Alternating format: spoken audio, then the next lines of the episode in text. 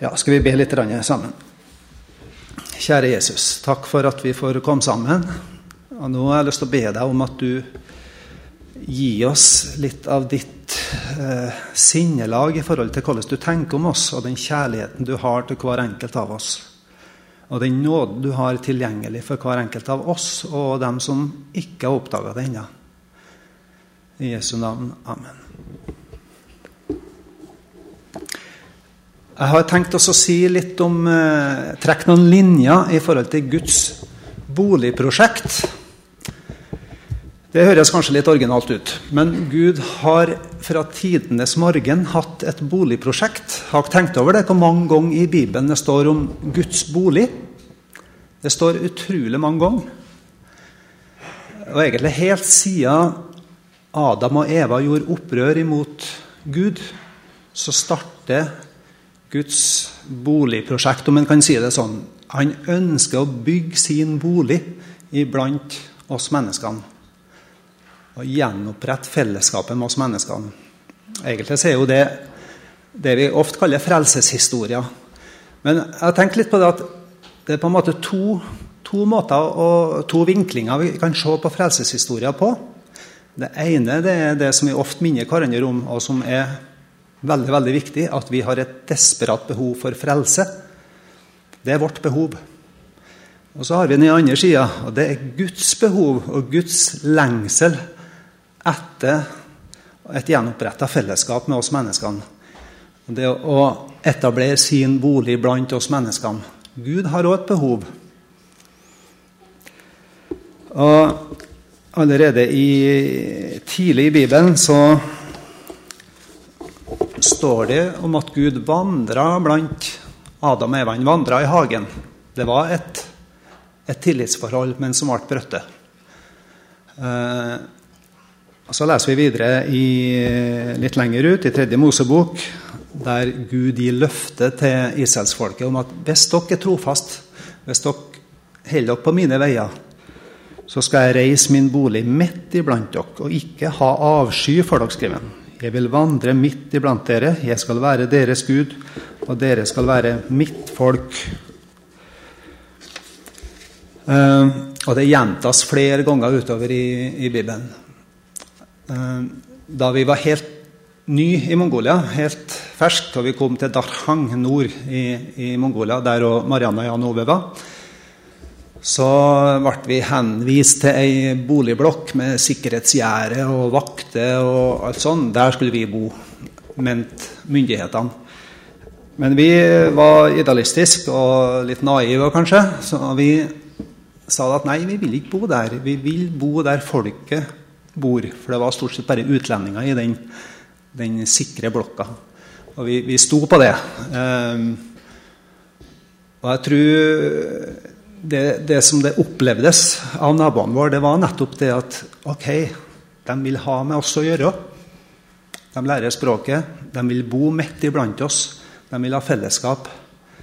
Eh, og nå bydde jo det på mye problem så myndighetene de, Det var jo godt ment. De ville verne oss fra tyveri og forskjellig, og vi fikk jo oppleve litt av hvert sånn. Men, men likevel så er det poenget med at det å få bo midt iblant et folk, det å ha måltidsfellesskap, det uttrykker eh, det innerste altså Fra Guds side et kjærlighetsforhold. Han ønsker fellesskap. Eh, og For oss i Mongolia så var det forutsetninger for å kunne virke blant folket, sånn som vi opplevde.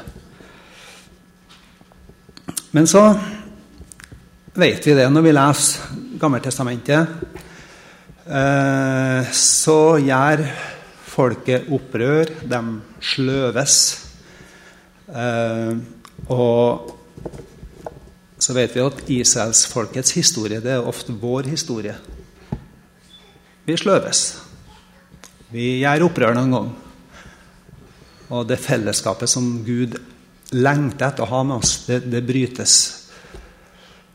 Eh, og det er noe sårt, men òg noe utrolig fint å låse hvordan Gud kjemper med folket sitt.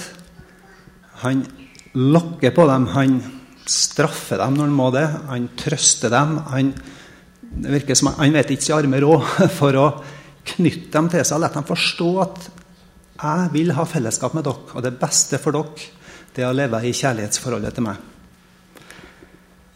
I Jeremia 3 så, så, så sier Gud til folket Jeg tenkte dere ville kalle meg far, og ikke vende dere bort fra meg.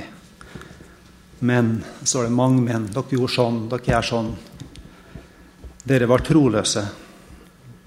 Vend tilbake, bortkomne sønner, så vil jeg helbrede deres frafall. Det er en lidende Gud, det er en lengtende Gud, som kaller på folket sitt. Jeg tenkte dere ville kalle meg far, men dere, dere gjorde sånn og sånn. Kom tilbake.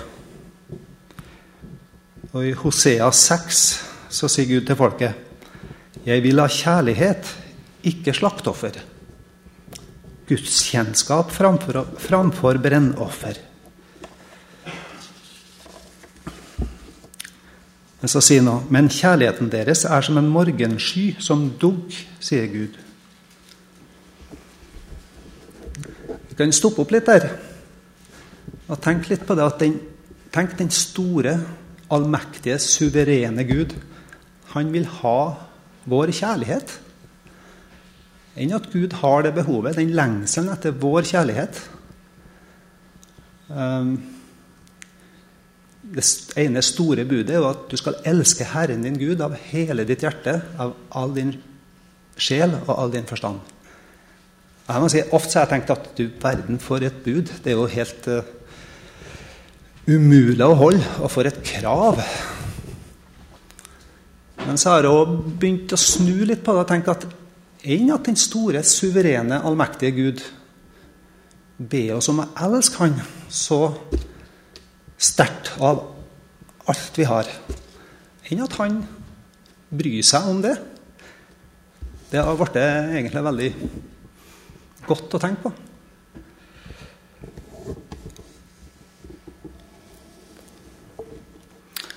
Eh, så kan vi gå videre i Bibelen, så ser vi hvordan løftene begynner å komme om at det skal skje noe en dag der Guds bolig faktisk, helt fysisk, skal bli blant menneskene. I Zakaria så står det 'Fryd deg, vær glad etter Sion'. For se, jeg kommer og tar bolig hos deg, sier Herren. Mange folkeslag skal slutte seg til Herren den dagen. De skal være mitt folk, og jeg skal ta bolig hos deg. Og Så skjer det da på den måten som eh, egentlig var helt utenkelig. At Gud blir født som et menneske og helt fysisk tar bolig blant oss menneskene. Ordet ble menneske og tok bolig blant oss, og vi så hans herlighet, en herlighet som den enbårne sønn har fra sin far, full av nåde og sannhet. Um, det handler jo ikke bare om det som skjedde i jula, men det er det som skjedde videre i Jesu liv, helt fram til døden på korset og oppstandelsen. Og grunner av og til over det faktum at han som skapte skapt mennesket, han lot de samme menneskene få piske seg og plage seg. Han som skapte eh, eh, treet Han lot menneskene få lage et kors som han ble hengt på. Han kunne ha stoppa det med et ord, eh, men han gjorde ikke det. Hvorfor gjorde han ikke det? Han visste at det var nødvendig for å gjenopprette fellesskapet. Det store lengselen som ligger hos Gud, den kunne ikke fullbyrdes uten at uh, han gikk korsets vei. Uh, når, jeg, når, jeg, leser fortellingene om Jesus, så bekrefter de på en måte hele veien den lengselen etter fellesskap som Gud har, som ligger i Guds hjerte. Uh, vi kan tenke på dagens tekst om den fortapte sønn, eller bortkomne, eller heimkomne sønn. Vi har ofte fokus på den sønnen som for, det behovet han hadde for å komme hjem til farshuset igjen. Men vi kan jo snu på det og tenke Hadde ikke faren et behov? Jo, han hadde. Han hadde behov for å få hjem sønnen sin, som han elska så høyt. Der lå hans behov, hans lengsel, og som ble oppfylt når, når sønnen kom hjem.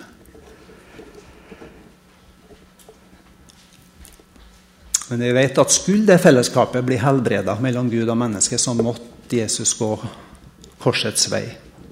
Det var først da at forhenget i tempelet revna. Da ble veien åpna for alle inn inn til Gud. Så snakker vi ofte om at uh, vi tar imot Jesus i hjertet. ikke sant?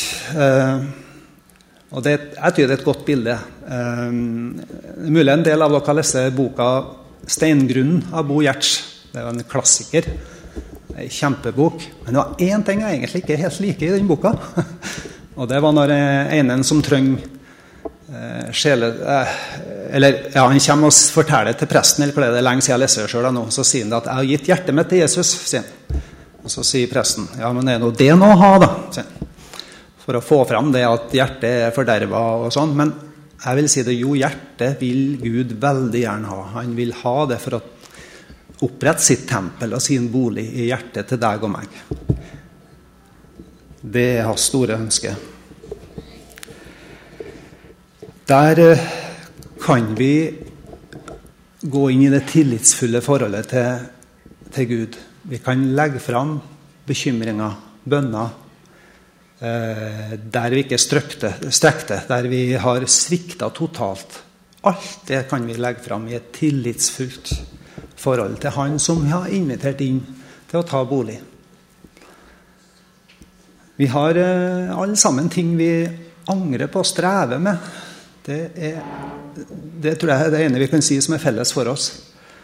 Men så lenge at vi har invitert Jesus inn til å ta bolig hos oss, så vet vi at der er det nåde, der er det tilgivelse, når vi lever i et åpent forhold.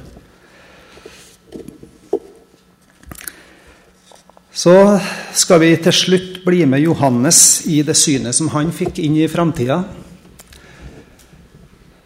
Han eh, så en ny himmel, en ny jord, en nye Jerusalem som kom ned. Og så hører han en stemme som sier Og jeg hørte fra tronen en høy røst som sa Se, Guds bolig er hos menneskene. Han skal bo hos dem, og de skal være hans folk. Og Gud selv skal være hos dem. Han skal være deres bud. Da ser han inn i noe som en gang skal bli virkelighet. Nå opplever vi det stykkevis og delt. Veldig ufullkomment. Da skal vi få oppleve det at vi har Gud midt iblant oss. Tenk det! For en dag. Da skal han være vår Gud, vi skal være hans folk. Vi skal leve i lag. Og når det skjer, så er det ikke bare vår drøm, vår lengsel, som går i oppfyllelse, men det er òg Guds lengsel. Da er hans skulle til å si boligprosjekt fullendt. Da er vi gjenforent igjen.